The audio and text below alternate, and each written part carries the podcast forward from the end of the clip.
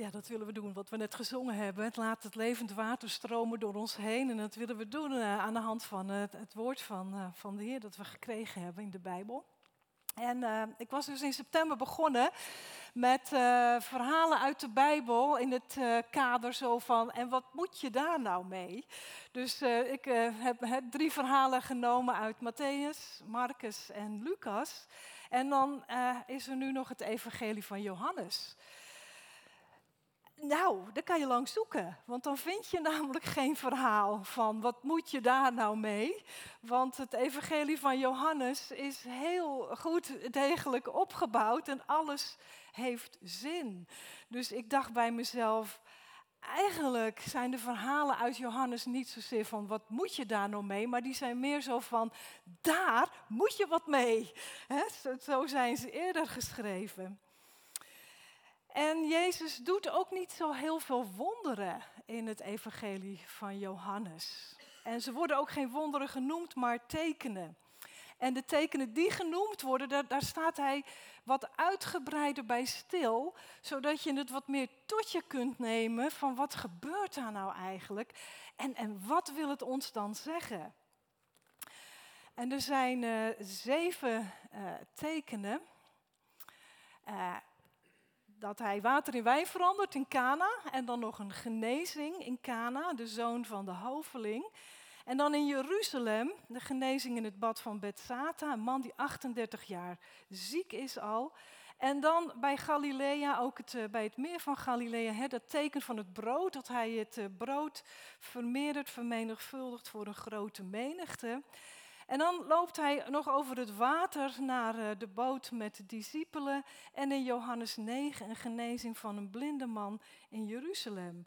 En dan in uh, Johannes 11 de opwekking van Lazarus. Dus dat zijn zeven tekenen. En eigenlijk is er, is er nog één.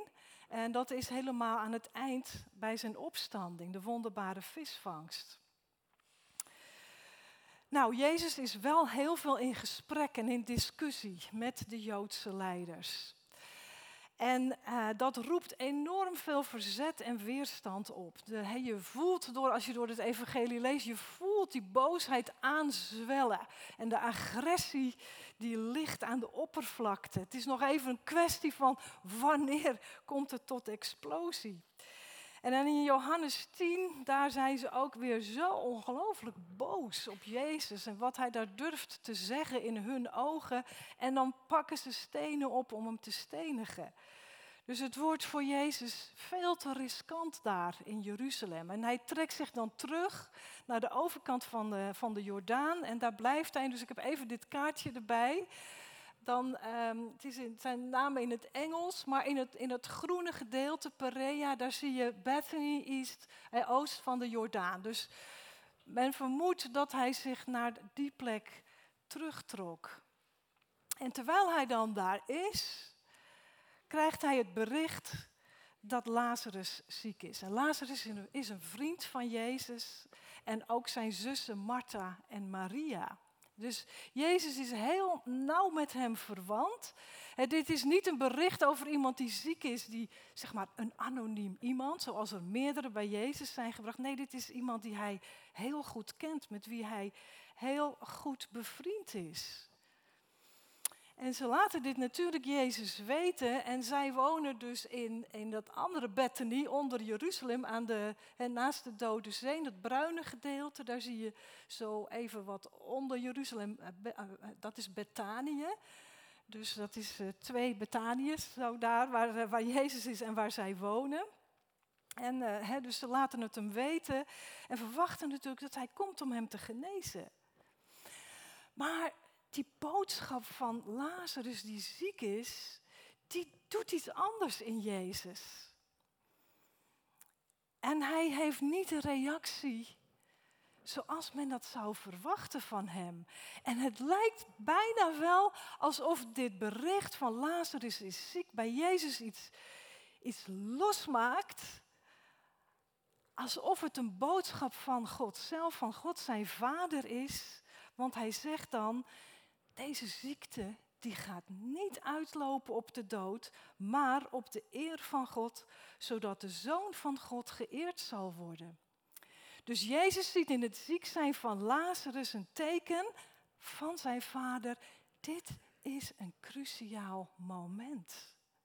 Want dit gaat leiden tot zijn verheerlijking, de verheerlijking van Jezus. En daarmee doelt hij op zijn dood. Dan lopen we even vooruit op het verhaal en dan kijken we even naar hoe, wat er gebeurt als Lazarus is opgewekt vanaf vers 45. Eh, Want die opwekking van Lazarus die roept paniek op bij de Joodse leiders. Wat moeten wij nu doen? Want deze man verricht zoveel tekenen en een groter teken dan iemand uit de dood opwekken. Ja, dat is er niet. Straks gaat iedereen in hem geloven als we dit laten gebeuren dat ze in Jezus gaan geloven is op zich helemaal niet zo hun zorg. Dat is niet het punt waar het hun om gaat. Nee, waar ze bang voor zijn, is dat de Romeinen er lucht van krijgen wat Jezus aan het doen is. En dat zij in Jezus iemand zien als een, ja, een leider van een rebellengroep hè, die de Romeinen, de heerschappij van de Romeinen omver wil gaan werpen. Daar zijn ze bang voor. Want zodra de Romeinen de lucht van krijgen, grijpen ze geheid in met harde hand. Dus ze zijn bang dat de Romeinen de tempel zullen vernietigen. Straks gaan ze de tempel vernietigen en ons volk. Dus dat was hun angst.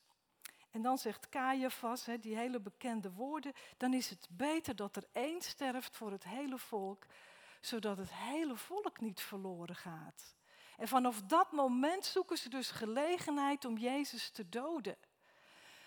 En dus zie je dat die opwekking van Lazarus, die zet dat dus in gang. De gevangenneming van Jezus en zijn terechtstelling. En Jezus weet het. Hij weet het. En hij weet dat zijn vader deze weg van hem vraagt om te gaan.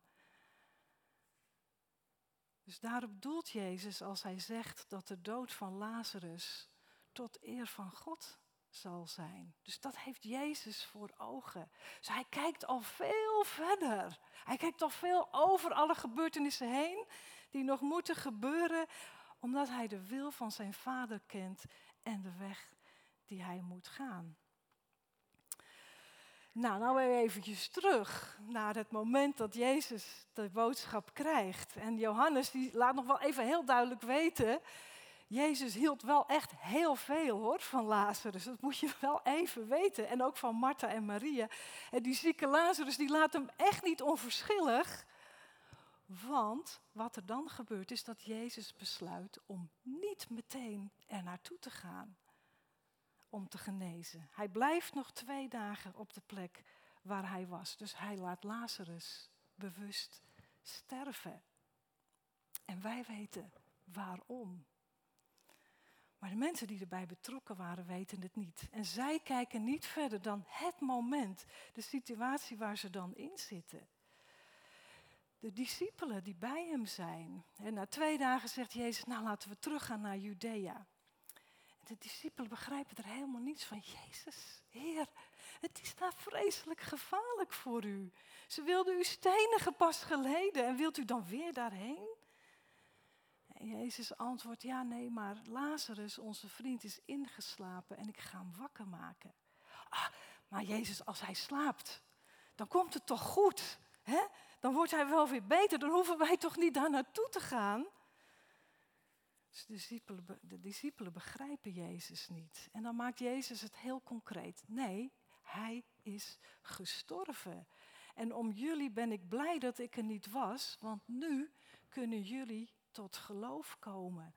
Dus ook zij hadden dit teken van de opwekking van Lazarus nodig, hè, voordat hun ogen geopend zouden worden, ja, om gewoon meer te geloven, meer te zien wie Jezus is. Maar ze begrijpen het niet. En dan zegt Thomas tegen de anderen, nou oké, als hij dat dan wil, laten wij dan maar meegaan en dan samen met hem sterven. Is geen tegenspraak meer tegen Jezus. Is dat wat ze inmiddels misschien wel geleerd hebben? Het lijkt erop. Dan moet maar gebeuren wat moet gebeuren. En dan gaan we maar samen met Hem de dood tegemoet. Ik dacht bij mezelf, op zich spreekt daar natuurlijk een enorme toewijding uit aan Jezus. Wij horen bij u, Jezus. En dan gaan we samen met u. Maar ja, het is toch wel zo dat ze niet, niet horen wat Jezus zegt, dat is één. Maar ze vragen het ook niet. Wat bedoelt u dan? Nee, ze vragen het niet. En ze kijken dus niet verder dan het moment zelf.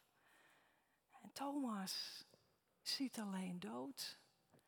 En Jezus ziet alleen leven. En dan is daar Martha. En nou, we horen dan, als hij daar in de buurt van Bethany komt, dan horen we dat eh, Lazarus al vier dagen dood is en in het graf ligt. En dat moeten we weten. We moeten weten, Lazarus is morsdood. Klinkt even plat, maar zo is het. Hè? Dat je dat even goed weet. Dus wat uh, Jezus gaat doen, het is geen reanimatie of zo. Nee, hij is, ligt er al vier dagen morsdood. Dan waren er ook veel Joden uit Jeruzalem gekomen, hè, dat daar vlakbij ligt. Want het is de gewoonte toen dat er dan eh, een periode van rouw is, dat er geweeklaagd wordt, hè, dat er mensen komen om te rouwen en de nabestaanden te troosten. En Martha hoort dat Jezus onderweg is en ze snelt naar hem toe. Maria blijft thuis, dus twee hele verschillende reacties. En Martha zegt tegen Jezus, Heer, als u hier was geweest, dan was mijn broer niet gestorven. Dus ze gelooft in hem als degene die wondertekenen verricht. En toen, u nog, toen hij nog leefde, had u hem beter kunnen maken. Dat geloof ik echt. En dan voegt ze eraan toe, maar nu, hè, zelfs nu weet ik dat God u alles zal geven wat u vraagt. Met andere woorden, ook al hebt u Lazarus niet genezen, ik geloof nog steeds erin dat u wonderen kan verrichten, want de kracht van God is met u, in u. En Jezus zegt, je broer zal opstaan uit de dood. En dan zegt Martha, ja, dat weet ik. Hij zal opstaan uit de dood als we allemaal eens zullen opstaan op de laatste dag. Dus Martha stelt ook geen vragen. Jezus, wat bedoelt u? Nee, ze heeft al haar eigen conclusie getrokken. En ook zij kijkt niet verder dan de situatie van het moment. En dan zegt Jezus deze woorden. Ik ben de opstanding en het leven. Wie in mij gelooft zal leven, ook wanneer hij sterft. En ieder die leeft en in mij gelooft, zal leven ook wanneer hij sterft. Maar Martha ziet alleen dood en Jezus ziet alleen leven. Dus hij zegt, ik ben zelf, ik zelf ben de opstanding en degene in wie het leven is. En opstanding op de laatste dag, dat is niet een gebeurtenis die zo gepland staat, die in Gods agenda staat van en dan hè, is de laatste dag en dan zal iedereen opstaan. Nee, opstanding die ligt in Jezus zelf. En door geloof in Hem zullen we opstaan in het leven. Eens als Hij terugkomt, is, is Zijn terugkomst. Dat is de opstanding waardoor wij zullen opstaan. Dus geestelijk, nu al, kunnen we niet meer sterven. En degene die in Jezus gelooft, die leeft geestelijk dan aan deze kant van de dood en zal ook leven aan de andere kant van de dood. Dus die opstandingskracht die in Jezus is, is nu al werkzaam in ons leven. Dus Jezus wil haar geloof in Hem verder brengen dan dat Hij alleen wonderen kan verrichten, dat Hij een wonderwerker is. En Hij vraagt dan heel direct, geloof je dat? Geloof je dat? Dat ik de opstanding en het leven ben? En dan antwoordt ze ja. Ja, nou gaat in de vertaling, gaat even toch een nuance verloren. Want eigenlijk zegt ze, ja, dat, dat geloof ik al een poosje. Dat heb ik al echt een poosje zo geloofd. Dat u de zoon van God bent die naar de wereld zou komen. Dat is een correct antwoord. En toch is het geen antwoord op de vraag van Jezus.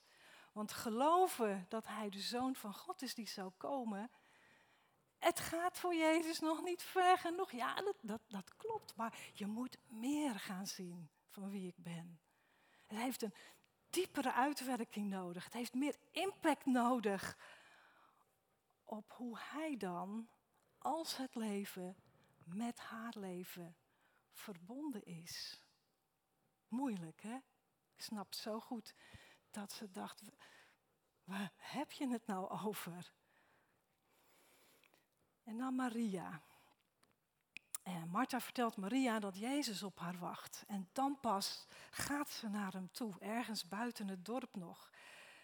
Zij reageert op zijn oproep terwijl Martha op eigen initiatief ging. Twee verschillende reacties. En de mensen die bij Maria zijn, hè, die daar zijn om te weeklagen, die gaan met haar mee, want ze denken, oh ze gaat naar het graf en ze gaat daar rouwen en weeklagen en dan moeten wij met haar zijn. En Maria valt aan de voeten van Jezus en dan zegt ze hetzelfde. Als u hier was geweest, Heer, zou mijn broer niet gestorven zijn. Dus daaruit spreekt ook haar geloof. Jezus is wonderwerker en dat kan hij omdat God met hem is. Maar Maria vraagt dus ook niets. Ook zij ziet alleen de dood. Alleen Jezus ziet het leven. En dan vraagt hij waar Lazarus is begraven. En als ze daar aankomen, dan huilt Jezus zelf ook. En de, die omstanders die erbij zijn, die zien dat en die interpreteren dat naar hun eigen idee waarom Jezus huilt. En dan zeggen ze, ah kijk eens hoeveel hij van Jezus heeft gehouden. er zijn er ook die het anders zien en die zeggen, nou, als hij een blinde kon genezen, dan had hij hier toch ook kunnen zijn om Lazarus te genezen, om te voorkomen dat hij ging sterven. En ik dacht bij mezelf, oh, wat een menselijke gedachtes. En ik zie mezelf ervoor aan dat ik ook zoiets gezegd had kunnen hebben. Nou, als hij dat kon, hè, had hij Lazarus toch ook kunnen genezen. De omstanders, ook zij, zien alleen de dood. Alleen Jezus ziet het leven. En dan denkt Jezus zo, nou dat heeft nu lang genoeg geduurd. Haal die steen weg van dat graf. En dan zegt Martha meteen, o Heer, maar de stank, hè? hij ligt er al vier dagen, hij is al in ontbinding, dat kan toch niet? En daaraan begrijpen we dus dat ze het nog niet heeft begrepen dat wat Jezus zegt. Ik ben de opstanding en het leven. En Jezus confronteert haar. Ik heb je het toch gezegd. Dat je Gods grootheid zult zien als je gelooft. Dan lees ik verder in vers 41. En toen haalden ze de steen weg. En daarop keek hij omhoog en zei: Vader, ik dank u dat u mij hebt verhoord. U verhoort mij altijd, dat weet ik. Maar ik zeg dit ter wille van deze mensen hier, opdat zij het zullen geloven dat u mij gezonden hebt. En daarna riep hij luid, Lazarus, kom naar buiten. En de dode kwam tevoorschijn, zijn handen en voeten in linnen gewikkeld en zijn gezicht bedekt door een doek. En Jezus zei tegen de omstanders, maak de doeken los en laat hem gaan. Onvoorstelbare gebeurtenis als je daarbij bent. Ik kan me er eigenlijk zo weinig bij voorstellen hoe dat moet zijn geweest. Maar voor vele mensen die daarbij zijn, is dat het moment dat ze tot Jezus in geloof komen. Dit kan niet anders. Dit moet van God zijn. Maar enkele gaan dus naar de fariseeën en vertellen wat hier gebeurd is. Dus om de omstanding en het leven te zijn, moet Jezus eerst zelf door de dood heen. Hij moet er zelf doorheen gaan. Dus de ziekte van Lazarus leidt niet tot zijn dood, hè, tot de dood van Lazarus. En zijn opwekking leidt ook niet tot de eer van God, maar dit is deze gebeurtenis die dat in gang zet. Die in gang zet dat Jezus zelf gedood zal worden om dan de opstanding en het leven te zijn. Niet alleen voor Lazarus, maar voor alle mensen. En dat is tot eer van God. Nu heb ik iets overgeslagen. Iets wat heel opmerkelijk is. En dat is vers 33. Ik weet niet of er mensen meelezen in de Bijbel, vers 33. Dat is een lastig vers. Ik zal het jullie laten zien. Jezus, die zag aan Maria en de mensen die bij haar waren, die weeklaagden, die zag hij en toen ergerde hij zich. En diep bewogen vraagt hij dan, waar hebben jullie hem neergelegd? En dan zeggen ze, kom maar kijken, Heer. En dan begint Jezus te huilen en dat leggen ze dus op, zijn eigen, leggen ze op hun eigen manier uit. En daar ergert Jezus zich opnieuw aan. Jezus die zich ergert. Nou staat het hier in de nieuwe NBV-vertaling redelijk gematigd. Want het Griekse woord is heel wat intenser dan dit. Hij maakt zich boos. Hij wint zich enorm op. Weet je wel, dat snuiven wat iemand doet die enorm zich heeft opgewonden.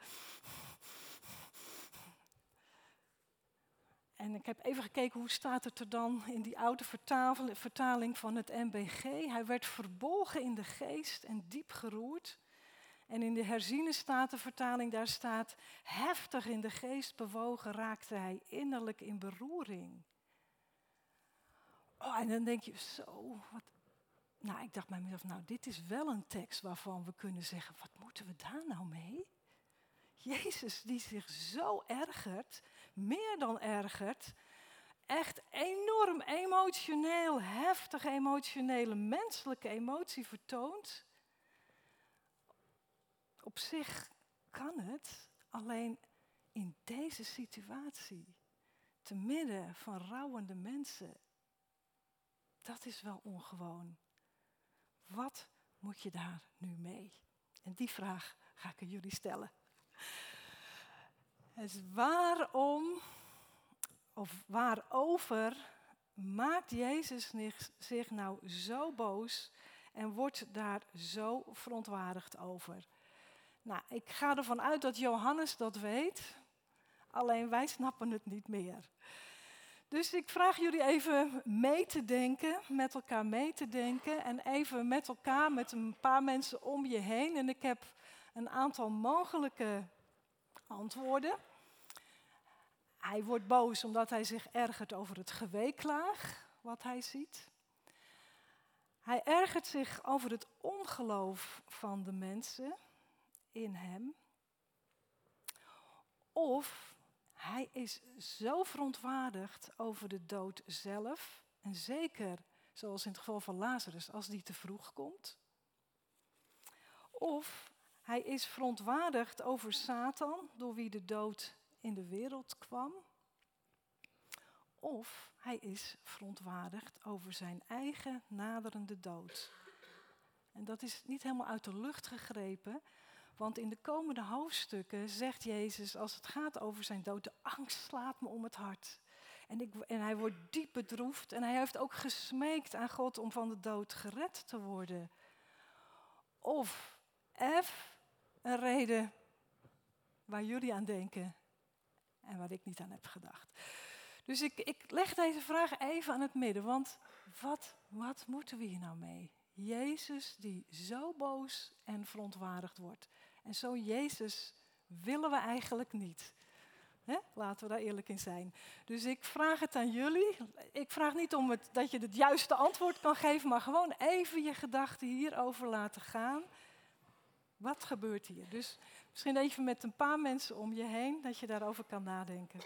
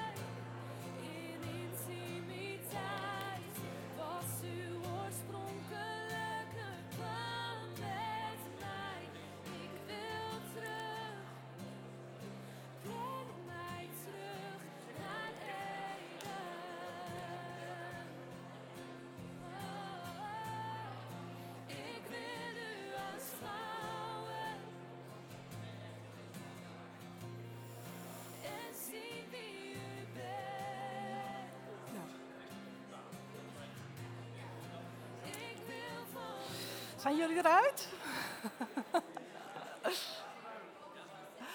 ik, ben, ik ben heel benieuwd, heel erg benieuwd, wat, uh, wat voor antwoord uh, er gedacht wordt. Als je al een antwoord kan bedenken. Uh, ik, ik, ik, neem aan dat, dat, jullie het allemaal met me eens zijn. Ja, of misschien niet hoor. Maar dat het wel een beetje lastig is, hè? Zo'n verontwaardigde, geërgerde, boze Jezus. Toch? Ja? Ik vind het wel lastig. Dus ik ben heel benieuwd. Uh, iemand hier die zegt, nou, ik, ik denk, ik vraag dus niet of je het juiste antwoord hebt. Ik heb namelijk in alle Bijbelcommentaren gezocht en niemand weet het. Dus je kan rustig je antwoord geven. Wat denken jullie? Uh, wat wij uh, vonden, dat was ja, verschillend. Maar wat wel mooi was, was dat het feit dat als je je ergert over iets, dat dat iets is waar sommige mensen zich toch uh, ja, het gevoel hebben dat dat niet mag zijn. Maar dat is dus iets wat, er gewoon, wat gewoon bij de mens hoort. En dat de Heer Jezus dat ook gewoon deed. Dus dat vonden wij heel mooi. Ja, oké. dus we identificeren, identificeren ons, onze ergernis in zijn ergernis. Ja, dat is waar. Dat, uh, dat kan er dus zijn. Dat kan er zijn, maar ik wil wel even, oh, ja, ja, even een reden. Waarom dan? Uh, wij dachten een combinatie van uh, alle factoren ook misschien wel. Uh, maar we dachten wel vooral B. Omdat het ook terugkomt een beetje in de andere verhalen, zeg maar. Ja, dat is een zeer aannemelijk antwoord. Ook daar, heel waar.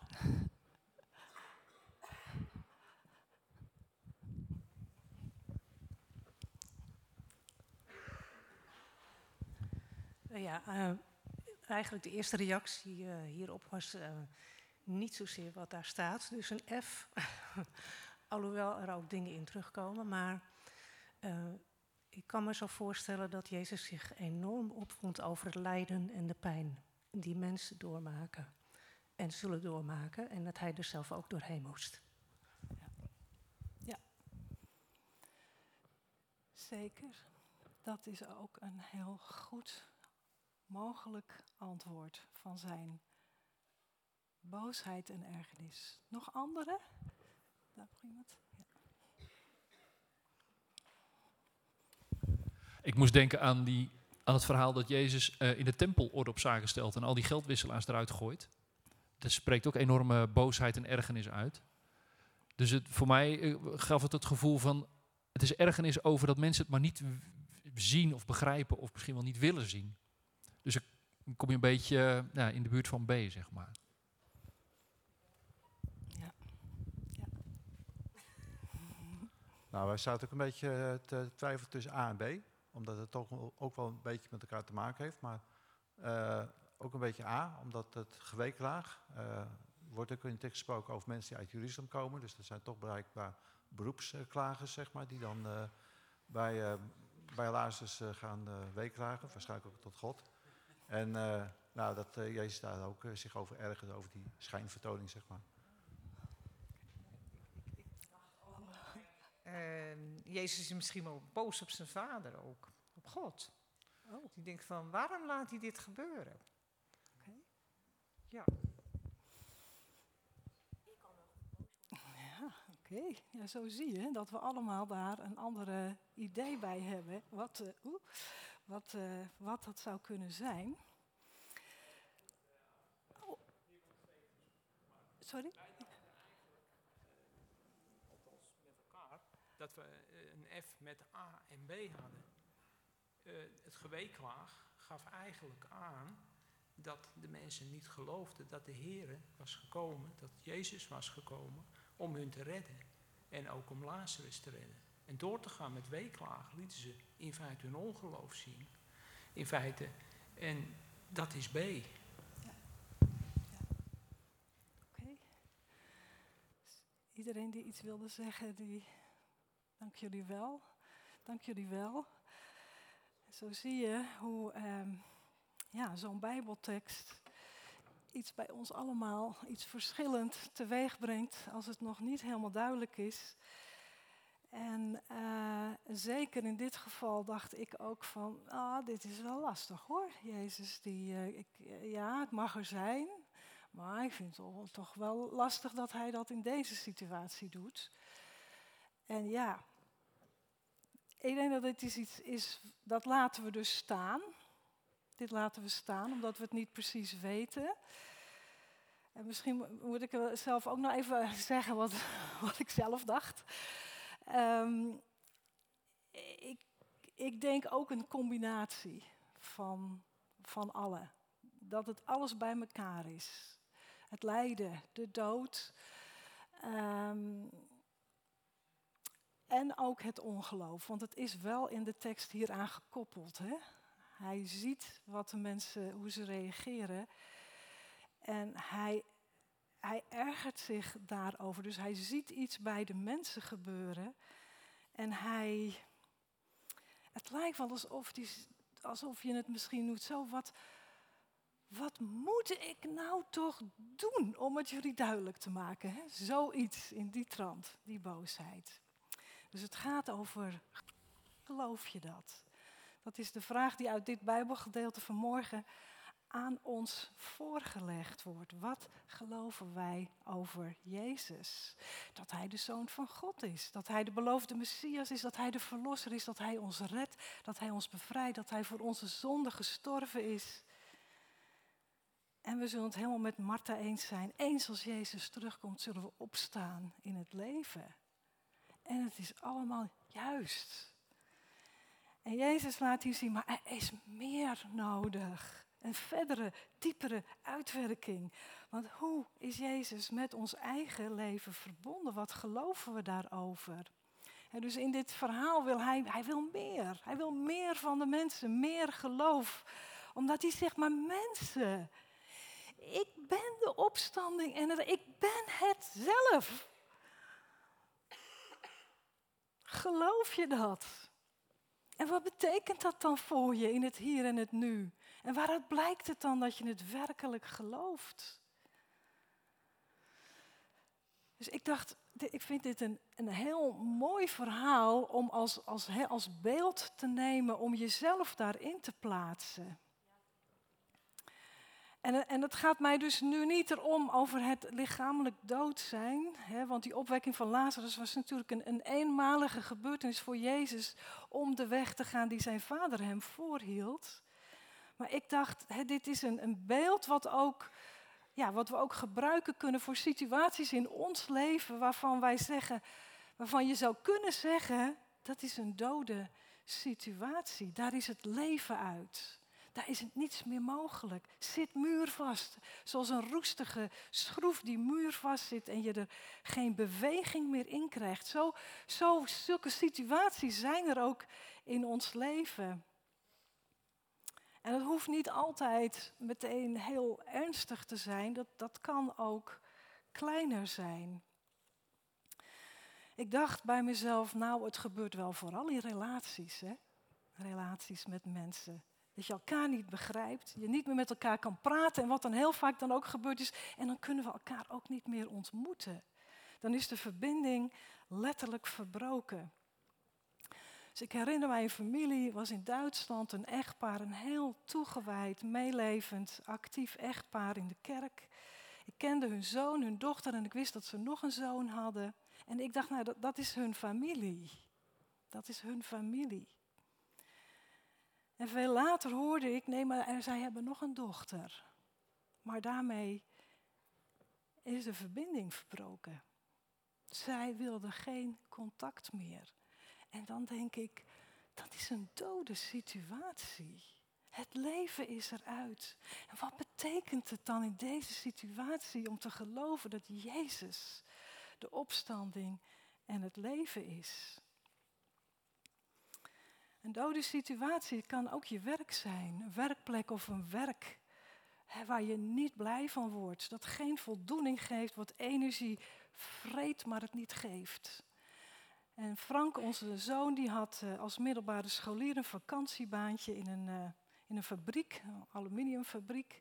En hij moest daar aan de lopende band staan en het was geestdodend. En hij werkte daar met mensen die dat dagelijks deden. En Frank, die was toen 18, 19. Hij was net klaar met de middelbare school. En ik, hij was toen, hij is er niet, maar ik mag het wel hardop zeggen, een beetje in zijn opstandige periode. En hij had helemaal genoeg van school en ik denk dat hij daar iets over gezegd heeft. En, uh, en toen zei een van die mensen die daar werkte, Frank, zorg dat je je opleiding afmaakt. Want jij hebt daarmee heel veel opties in je leven. Die heb ik niet. Dus wees dankbaar. Want ik moet dit werk nog jarenlang blijven doen. En dat maakte indruk op Frank. En ook op mij, want ik weet het nog. En ik dacht, ja, voor die man was die werkplek, zijn werk, ook een situatie waarvan je kan zeggen, een dode situatie. Of geen werk hebben en ook maar niet iets passends kunnen vinden. Ook dat is een dode situatie. En wat betekent het dan om te geloven dat Jezus de opstanding en het leven is? Wat geloven we dan? Of ook kinderen. Het gaat over heel wat mensen hier onder ons. Kinderen die niet meer meekomen naar de kerk. Die niet met de Heer leven of niet meer in de Heer geloven. ik weet dat het gaat om veel mensen onder ons. En dat mag je toch ook zeggen. Ja, eigenlijk, ja, dat voelt ook als een, een dode situatie. Want het zit in onze ogen muurvast. Je kan niks. Je bent machteloos. Wat betekent het om te geloven in deze situatie dat Jezus de opstanding en het leven is?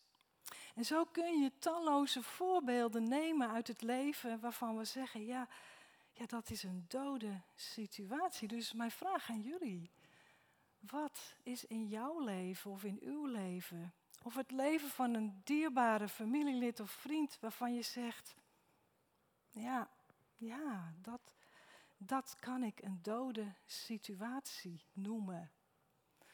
alsof je zelf in die spelonk zit van Lazarus. En dat, je, dat het donker om je heen is en je tast en je tast en je tast. En je denkt, ik zie de uitgang gewoon niet. Ik zit hier vast, ik weet niet hoe het verder moet. Ik kom er niet uit. En dan is de vraag aan ons allemaal. Zien wij alleen het dode van de situatie, zoals de discipelen, zoals Martha, Maria en de omstanders? Of hebben wij dan toch ook een hoop? Al is het een sprankje hoop. dat Jezus leven erin kan blazen. Hebben wij die hoop en hebben wij dat geloof?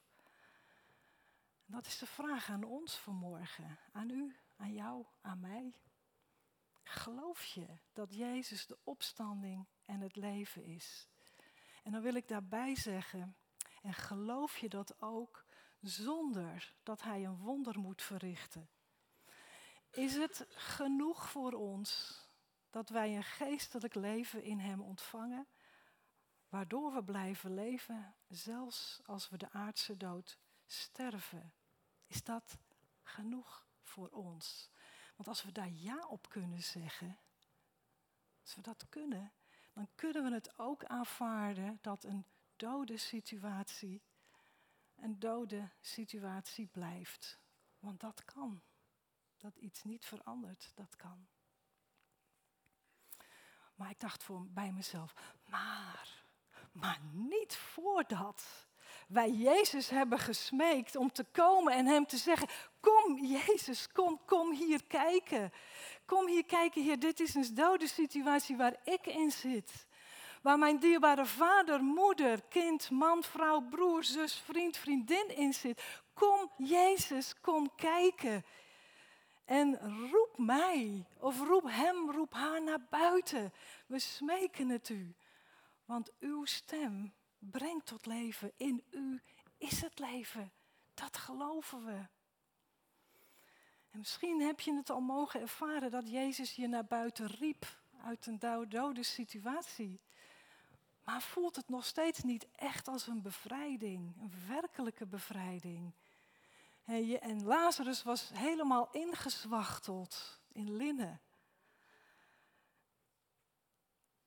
Hij was wel tot leven geroepen uit zijn dode situatie, maar hij was nog steeds gebonden en niet vrij. En is dat het wat je nodig hebt? Dat banden uit het verleden, hè, waarmee je ingezwachteld en gebonden bent, dat die losgemaakt moeten worden. Want Jezus geeft de opdracht aan de mensen, maak Lazarus los. Want anders is hij nog steeds niet vrij.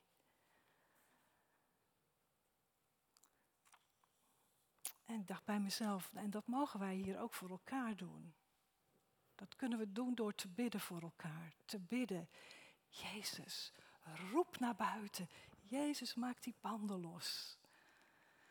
Dus laten wij dat doen, met elkaar bidden. Bidden voor elkaar. Bidden dat Jezus roept, roept en bevrijdt uit dode situaties in ons leven.